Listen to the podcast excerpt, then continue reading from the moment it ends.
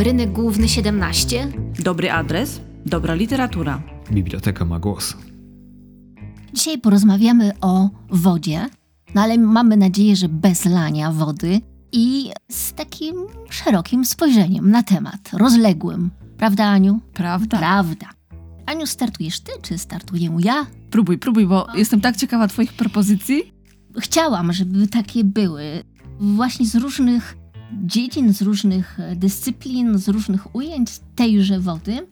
Zacznę tak bardzo e, standardowo, czyli od realizacji BBC i to jest cykl zatytułowany Planeta Ziemia.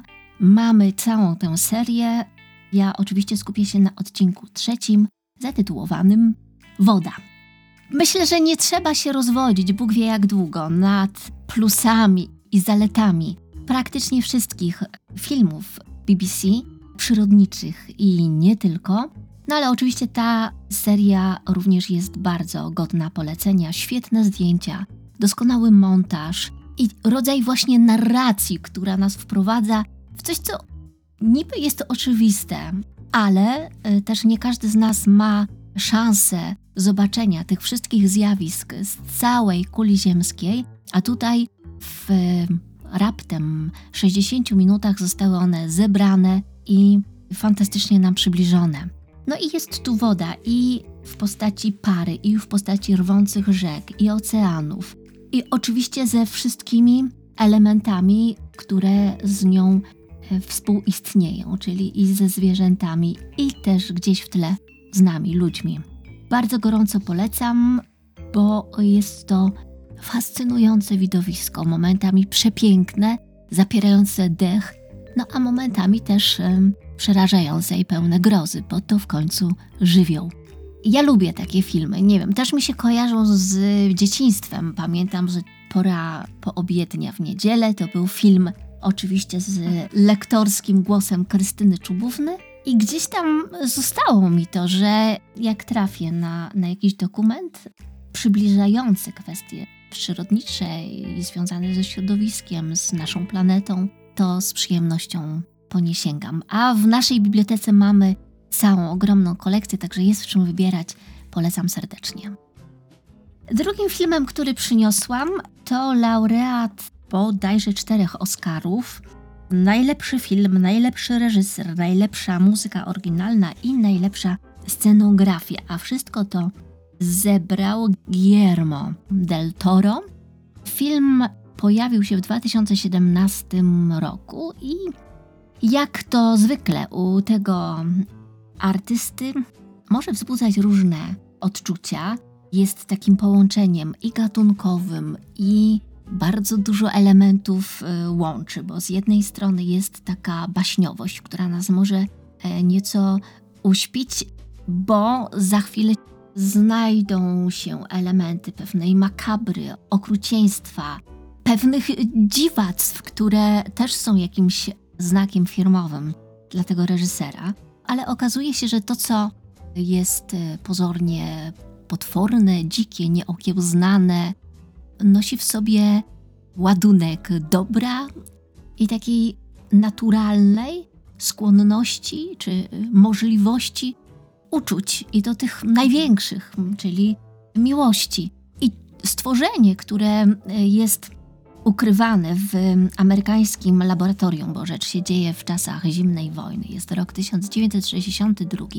W tajnym laboratorium amerykańskim trwają prace nad nową bronią, a wielkim atutem właśnie strony amerykańskiej ma być dziwne stworzenie, które zostało sprowadzone z Afryki i trwają badania nad tym stworem.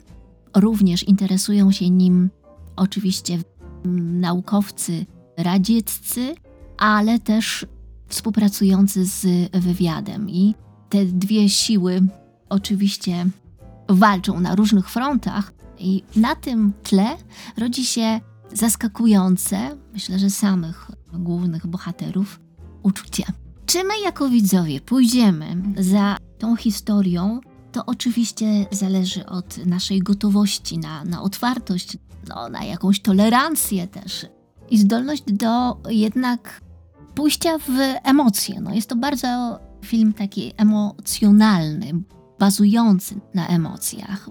Zostawiam to Aniu już każdemu z nas. Na pewno ciekawy pod wieloma względami i pod względem takiej wizualności, ale też ta historia jest niezwykle opowiedziana, więc Do nadrobienia. Nie widziałam, Tak. przyznaję się. polecam, a już do wyrobienia sobie własnego zdania, czy go kupujemy, czy też odrzucamy. I tym samym ja już powoli bym przeszła do książek, ale żeby tak nie dominować w tym odcinku, Aniu, to przekazuję tobie pałeczkę. Ja jeszcze wrócę do filmu, pozwolicie Państwo Naprawdę, na masz też Tak. coś? A. Aniu, kiedy wywołałaś temat wody, no to pierwsza myśl, Ach, e, jaka Aniu, czy ja w ogóle powiedziałam tytuł filmu? Planeta Ziemia, woda? Chyba tak. Nie, nie, Planeta Ziemia tak, ale Kształt wody. Kształt wody.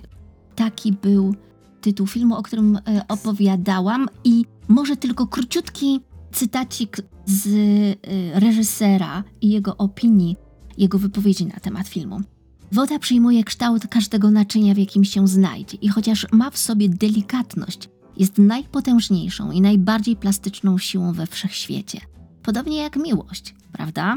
Bez względu na to, jaki nadamy jej kształt, wciąż pozostaje miłością. Czy odnosi się do mężczyzny, kobiet, czy też innego stworzenia. Rynek Główny 17. Kiedy wywołałaś, Aniu, temat wodny, to o ile nie miałam pojęcia, jaką książkę Państwu zaproponuję, o tyle od razu przypomniał mi się film, który również we mnie na tamten czas, te 23 lata temu, wzbudził ogromne emocje, a dane mi było oglądać to w kinie. Mam na myśli Gniew Oceanu, oczywiście. Film z roku 2000 w reżyserii Wolfganga Petersena z oczywiście fenomenalnymi męskimi rolami George'a Clooney'a i chociażby Marka Wahlberga.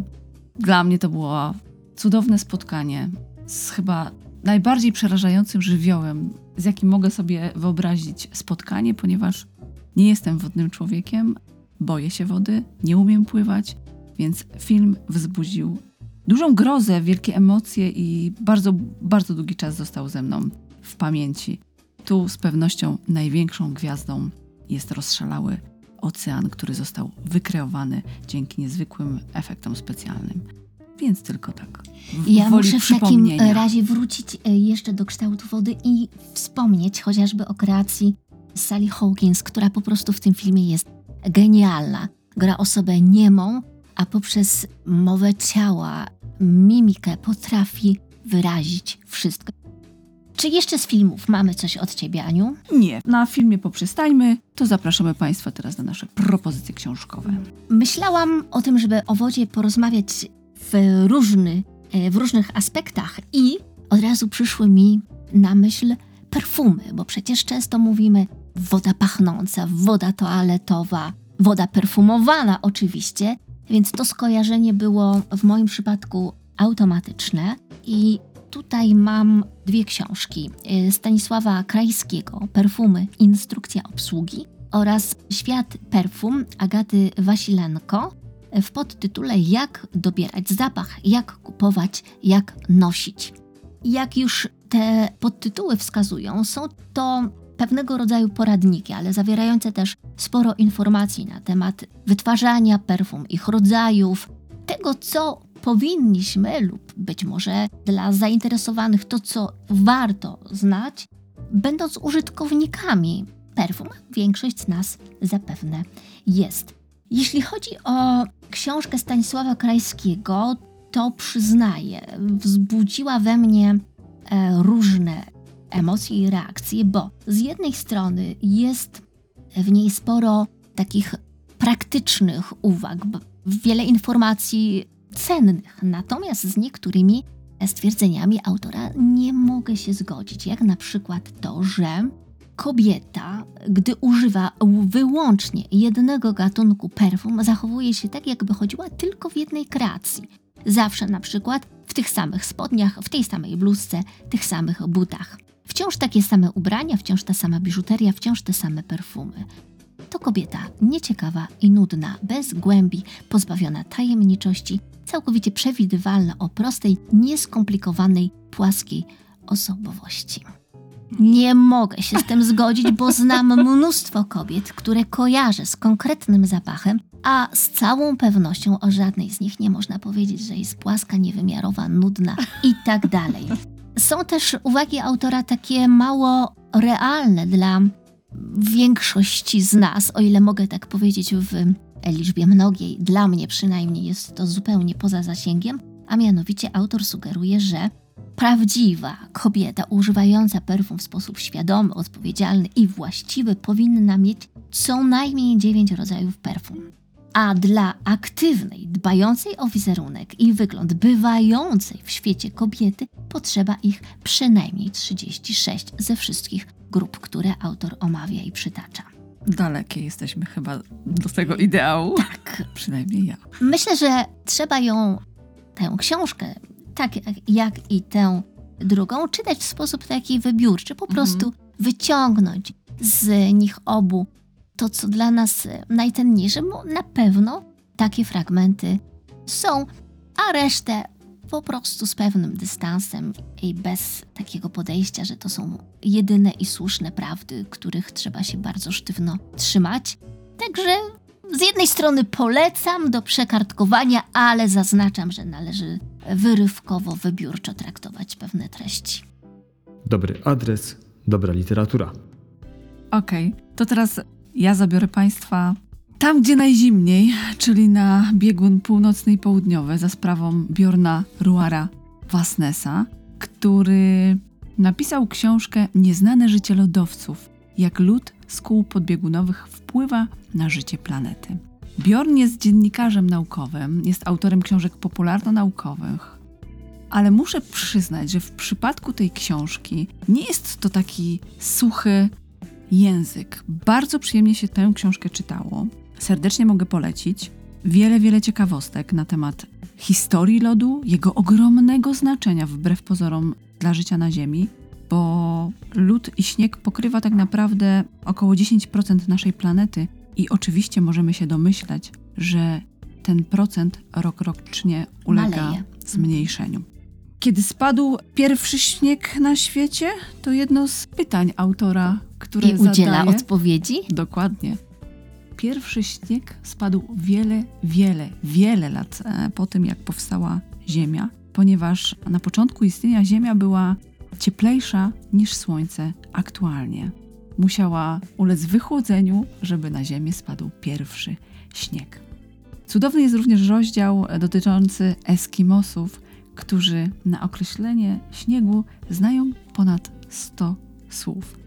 Potrafią określić pierwszy śnieg, który nie topnieje i pozostaje do wiosny. Potrafią określić 4-centymetrową warstwę śniegu, warstwę białego puchu, który sięga do sznurowadeł, do kolan, do poziomu pleców, czy na przykład do pach. Genialne. Byłaś, Aniu, kiedyś w śniegu popachy? Jeszcze nie. Myślę, że już, Aniu, chyba nam nie będzie dane, bo autor bardzo ubolewa nad tym, jak bardzo zmieniły się zimy, które dotyczyły jego dzieciństwa, a które możemy przeżywać obecnie. Więc e, śnieg popachy chyba już nam nie grozi.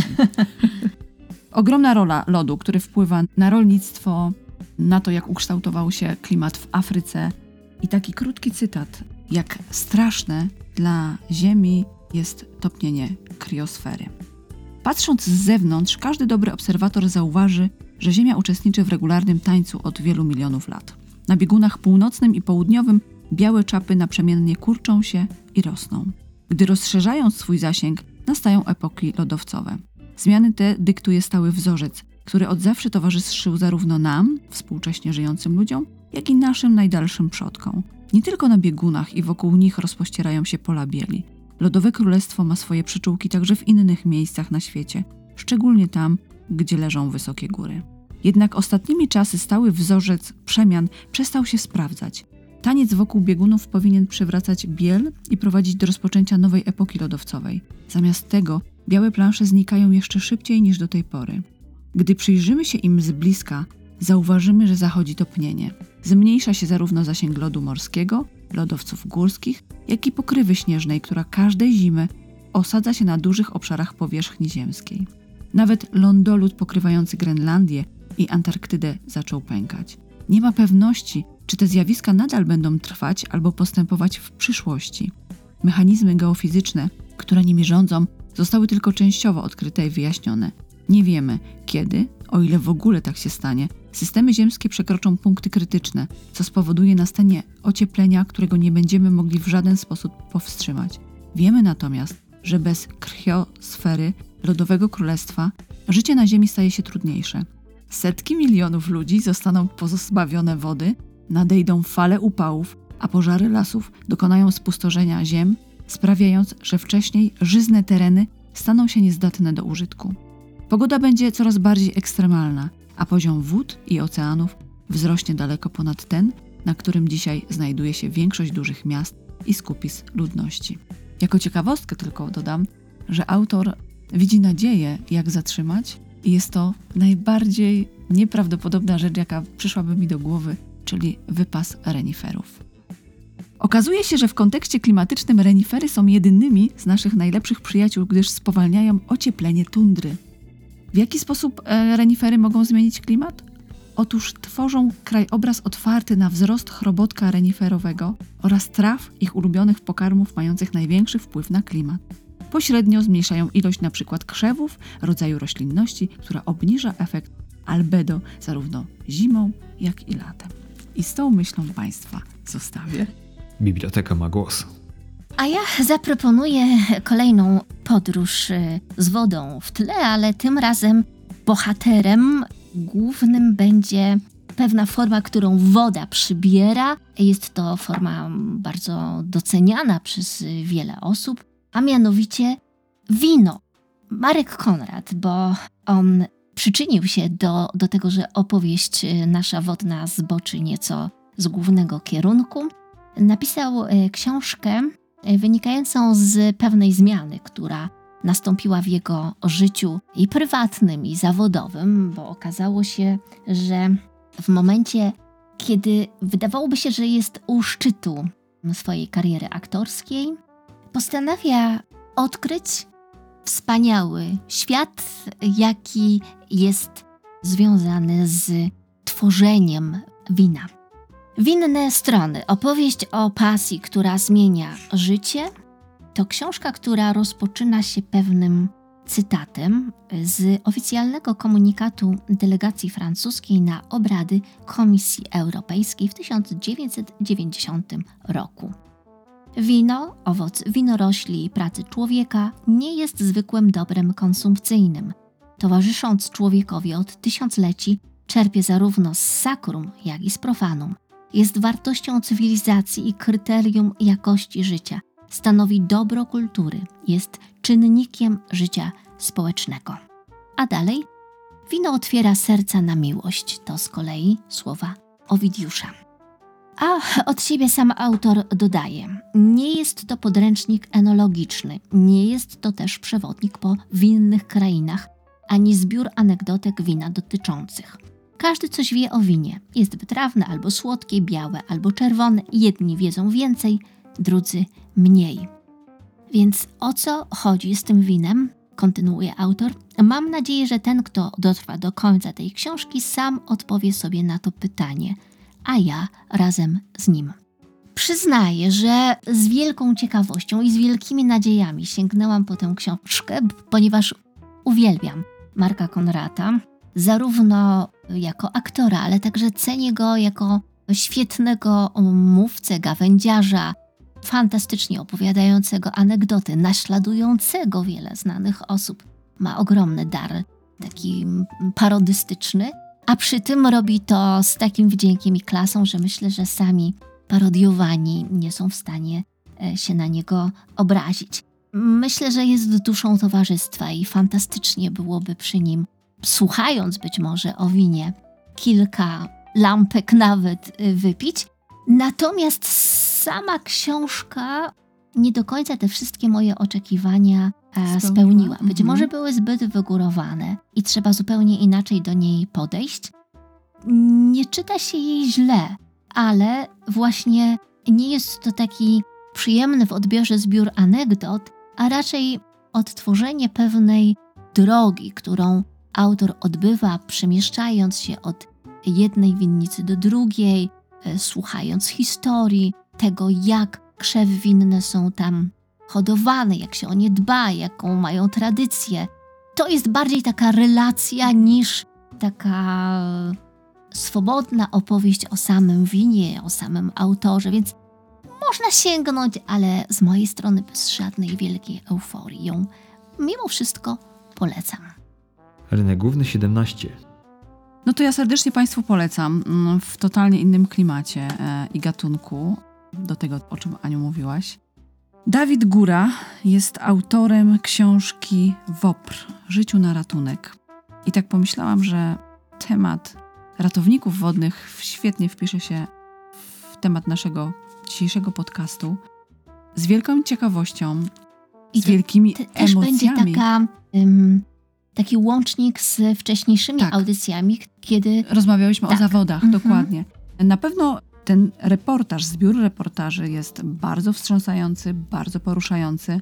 Opowiada o pracy ludzi, którzy związani są z morzem bądź jeziorem, którzy są niskopłatni, którzy podejmują wielkie ryzyko, którzy biorą na siebie ogromną odpowiedzialność i którzy przede wszystkim bardzo rzadko słyszą słowo dziękuję. To jest pozycja, która powinna być obowiązkowa do przeczytania dla każdego rodzica, który w letnich miesiącach wybiera się czy to nad morze, czy nad jezioro ze swoimi dziećmi. Podeprę się cytatem. Wybierając się na wakacje, turyści często zapominają spakować swój rozum. Niestety dotyczy to także rodziców. Według polskiego prawa dziecko w wieku do 7 lat musi być pod opieką osoby pełnoletniej. Tymczasem rodzice o tym zapominają. Wyluzowują się tak, że ich żywiołowe pociochy znikają im z oczu. Do tego alkohol, telefony. Potem taki ojciec czy matka biegną do nas i zdziwieni alarmują, że ich dziecko się zgubiło. Tłumaczy Radosław Wiśniewski, ratownik MOPR. Takich sytuacji, gdzie dzieciaki się gubią, gdzie dzieciaki są niestety ofiarami wodnego żywiołu, w książce przytoczonych było wiele. I chyba jeden z najbardziej poruszających fragmentów dotyczy matki, która straciła swojego 18-letniego syna, który utopił się, i głos ratownika, który patrzy na nią z innej zupełnie perspektywy. Po tej sytuacji, bardziej niż umierającym, zacząłem współczuć bliskim, którzy nadal są na tym świecie z ogromnym żalem w sercu, że ktoś stracił życie. Szczególnie w takim młodym wieku. Ale to żyjący muszą sobie poradzić ze stratą. Czasem tak potworną, jak śmierć własnego dziecka. Śmierć przez utonięcie jest straszna, ale jednak krótka. A rodzina musi żyć w cierpieniu przez długie lata, do końca swoich dni. Pomyślałem o tym, że matka przyjechała z dzieckiem na wakacje, by odpocząć i świetnie się bawić, a wraca sama. Wyobraziłem sobie, jak siedzi w pociągu. Patrzy na wszystko nieobecnym wzrokiem, z za ściany, która już zawsze będzie oddzielać ją od świata zewnętrznego. Dla niej nic już nie będzie takie samo. To doskonale pokazuje, jak ulotne i nieprzewidywalne jest życie, kończy zamyślony dyspozytor. Najbardziej przerażający jest fakt, że ochotników, którzy podejmują się ratowania ludzkiego życia na wodzie, jest coraz mniej. Coraz mniej ludzi kończy kursy i myślę, że za kilka bądź kilkanaście lat będzie to ogromny problem. Problem. Mhm. Dokładnie. Także tuż przed sezonem serdecznie polecam WOPR Życiu na ratunek. No, książka, która rodzi wielką refleksję i budzi ogromny szacunek przed wodą. Ja polecam Państwu książkę Tristana Guleja Jak czytać e, wodę. Jest to jeden z najbardziej e, znanych brytyjskich podróżników, którego specjalnością jest nawigacja naturalna, czyli sztuka orientacji w terenie przy pomocy znaków natury. Swoje artykuły pisze m.in. dla Sunday Times, New York Times, Wall Street Journal, a oczywiście także oprócz krótszych form jest także autorem książek. I ta, o której wspomnę Państwu, ma w podtytule Wskazówki i znaki ukryte w morzach, jeziorach, rzekach i kałużach. I znów przyznaję, że po prostu z bardzo wygórowanymi oczekiwaniami i z wypiekami na twarzy. Zabrałam się do lektury, e, zwłaszcza po takim anonsie e, wydawcy, że e, to książka, w której obok faktów na temat przyrody znajdziemy również opowieści z życia autora oraz ciekawostki historyczne, w jaki sposób mogą nam pomóc pszczoły, po jakim gatunku drzew zorientujemy się, że jesteśmy blisko wody, co oznacza obecność ślimaka w wodzie, jakim gatunkiem ryby sprawdzano wskaźnik zanieczyszczenia wody ołowiem w strumieniach. Na te i wiele innych pytań znajdziemy z całą pewnością w tej publikacji. E, Natomiast to nie jest najłatwiejsza książka w lekturze. Ja przynajmniej e, nie dałam się w taki niekontrolowany sposób porwać autorowi. Całą pewnością ma on ogromną wiedzę, jest pasjonatem i to w jakiś sposób robi wrażenie na, na nas, czytelnikach. Natomiast to nie jest taka lektura, którą czytamy e, z taką wytrwałością i ochotą przeczytania od samego początku do końca za jednym zamachem. Ja przynajmniej musiałam sobie ją podzielić na kilka etapów i mm, no, nie jest to taka frapująca pozycja, której się spodziewałam. Ale e, z całą pewnością wiele ciekawych informacji przekazuje i takich, które mogą nam się właśnie przydać na codziennych spacerach czy wyjazdach wakacyjnych i innych. Także pod wieloma względami ma w sobie bardzo, bardzo dużo wartości, no ale to też właśnie nie jest taka książka, do której ja będę wracać i którą polecać Państwu z takim przekonaniem, że tak, absolutnie każdy musi ją przeczytać. Dobry adres, dobra literatura. To teraz mój typ number one. Każdy to z Państwa musi przeczytać. Proszę Państwa, no Aniu, muszę Ci podziękować za ten temat, bo dołożyłaś mi książkę do mojej takiej Kolekcji. listy. Tak, Mm. kolekcji książek Top of the Top, bo książka Diany Satterfield była sobie rzeka.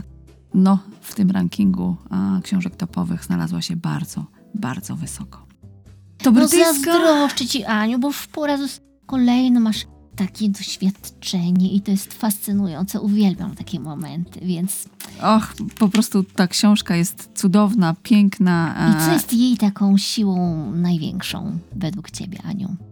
Język. Przede wszystkim język, ponieważ No ale też jest pięknie wydana, co no myślę, kolejna, nie jest kolejna z serii tak butikowych e, wydawnictwa Albatros jest urzekająca i w formie graficznej, ale przede wszystkim język, to co możemy znaleźć w środku, chwyta za serce. No autorka jest wielką bajarką i stworzyła tak magiczną, tak piękną opowieść, która chwyta za serce. Ale jeżeli spodziewają się Państwo takich spektakularnych zwrotów akcji, wielkich emocji, no to Państwa rozczaruje, bo była sobie rzeka. To wytworna książka, to powieść magiczna z pogranicza dwóch światów, gdzie elementy mm, Lubisz chyba takie historie, bardzo, Aniu, więc bardzo, gdzie realizm przeplata się z magią, gdzie do końca nie wiadomo, gdzie ta prawda się zaciera, gdzie kończy się ludzka wyobraźnia, gdzie, gdzie wkracza pewna legenda, podanie w nasze życie. Kto jest bohaterką czy bohaterem tej opowieści? Autorka przenosi nas nad brzeg Tamizy do pewnej gospody pod łabędziem w Radkot, gdzie wieczorami zbierają się stali bywalcy, którzy przy kuflu piwa, mm, przy napitku, słuchają pięknych historii. Tam każdy ma dar opowiadania, każdy ma coś do powiedzenia, każdy potrafi w piękny sposób snuć historię na określony temat. I pewnego wieczoru w drzwiach e, pojawia się mężczyzna, który niesie martwą dziewczynkę. Magia dotyczy tego, że dziewczynka ożywa i w sposób nierozerwalny plecie losy trójki bohaterów. Trzech różnych historii. Pojawia się młode małżeństwo, które rozpacza po porwaniu córeczki i które właśnie w tej zmartwychwstałej dziewczynce dopatruje się swojego dziecka. Są farmerzy, którzy poszukują swojej niewidzianej wnuczki oraz gospodyni pastora, która nie może pogodzić się z utratą dawno zaginionej siostrzyczki. I to jest początek historii. A te historie opowiada się tak. Są historie, które można opowiadać na głos i takie, o których się mówi szeptem, lecz są i takie, które pomija się milczeniem. Najlepiej jednak, proszę Państwa, historię opowiada się nad brzegiem rzeki. Siedzieli nad brzegiem wody. Takie historie lepiej opowiadać nad rzeką niż w salonie. W pomieszczeniach słowa piętrzą się, uwięzione przez ściany i sufity. Ciężar tego, co zostało powiedziane, przytłacza rzeczy, których jeszcze nie powiedziano i może je zdusić w zarodku. Nad rzeką powietrze niesie opowieść w podróż. Każde zdanie odpływa i robię miejsce dla następnego. I takich rarytasów, rarytasików jest tutaj mnóstwo, więc czyta się to z taką ogromną przyjemnością, proszę Państwa. Także są historie, które powinny opowiadać się na głos. I to jest taka historia, którą Państwu polecam do zapoznania się, do, do tych dłuższych wieczorów, do tego, żeby usiąść z kawą na tarasie i dać się ponieść tej pięknej, cudownej, magicznej opowieści. Bardzo, bardzo serdecznie polecam Była sobie rzeka. Moją propozycją będzie rzecz e, podsunięta mi przez niezastąpione e, koleżanki z działu opracowania, a mianowicie książka wspomnieniowa Ewy Zadrzyńskiej-Głowackiej, zatytułowana Głowaccy Arka na Manhattanie. No i mój wybór do dzisiejszej audycji wynika z dwóch faktów. Po pierwsze, jest to opowieść o życiu za wielką wodą, czyli o życiu rodziny Głowackich w Nowym Jorku, a także w podtytule Arka, bo tak nazywali swoje mieszkanie, bo dali schron wielu osobom przewijającym się przez te wszystkie lata. I to nie tylko w tym ostatnim mieszkaniu, ale także we wcześniejszych wiele zbłąkanych duszyczek przybywających z Polski do ziemi obiecanej, jaką w pewnym momencie z całą pewnością były Stany Zjednoczone, dawali. Fascynująca opowieść, bardzo też ciekawie zaprojektowana, bo punktem wyjścia dla autorki jest układ ich nietypowego mieszkania. To jest mieszkanie, które składa się z kilku pokoi połączonych jednym wspólnym korytarzem i kolejne rozdziały rozpoczynają się od rysunków, które nam lokalizują, w której części obecnie się znajdujemy, a opisując pokój, elementy, które się w nim znajdują, obrazy, które towarzyszą autorce i wcześniejszym współmieszkańcom, czyli mężowi i córce, to jest pretekst do opowieści o nich, o ich przyjaciołach, Polsce, o tęsknocie, o ludziach w takim szerszym znaczeniu, o tym, jak pojawił się sukces zawodowy w jej życiu, jak toczyło się ich nietypowe, ale niezwykłe małżeństwo. Bogato ilustrowana publikacja pracami Jana Glińskiego, a także zdjęciami dzieł sztuki oraz samego mieszkania. Naprawdę niezwykła opowieść, bardzo gorąco polecam. Z przyjemnością się to czyta. Biblioteka ma głos.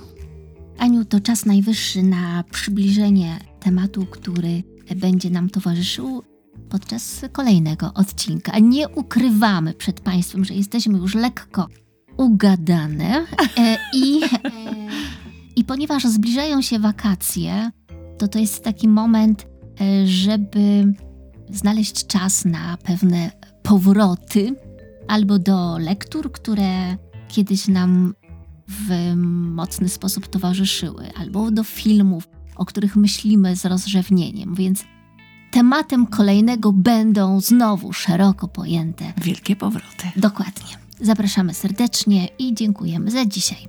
Anna Ptaszkiewicz-Kocina. Anna Sobula. Realizacja i mixing Radosław Świerkosz.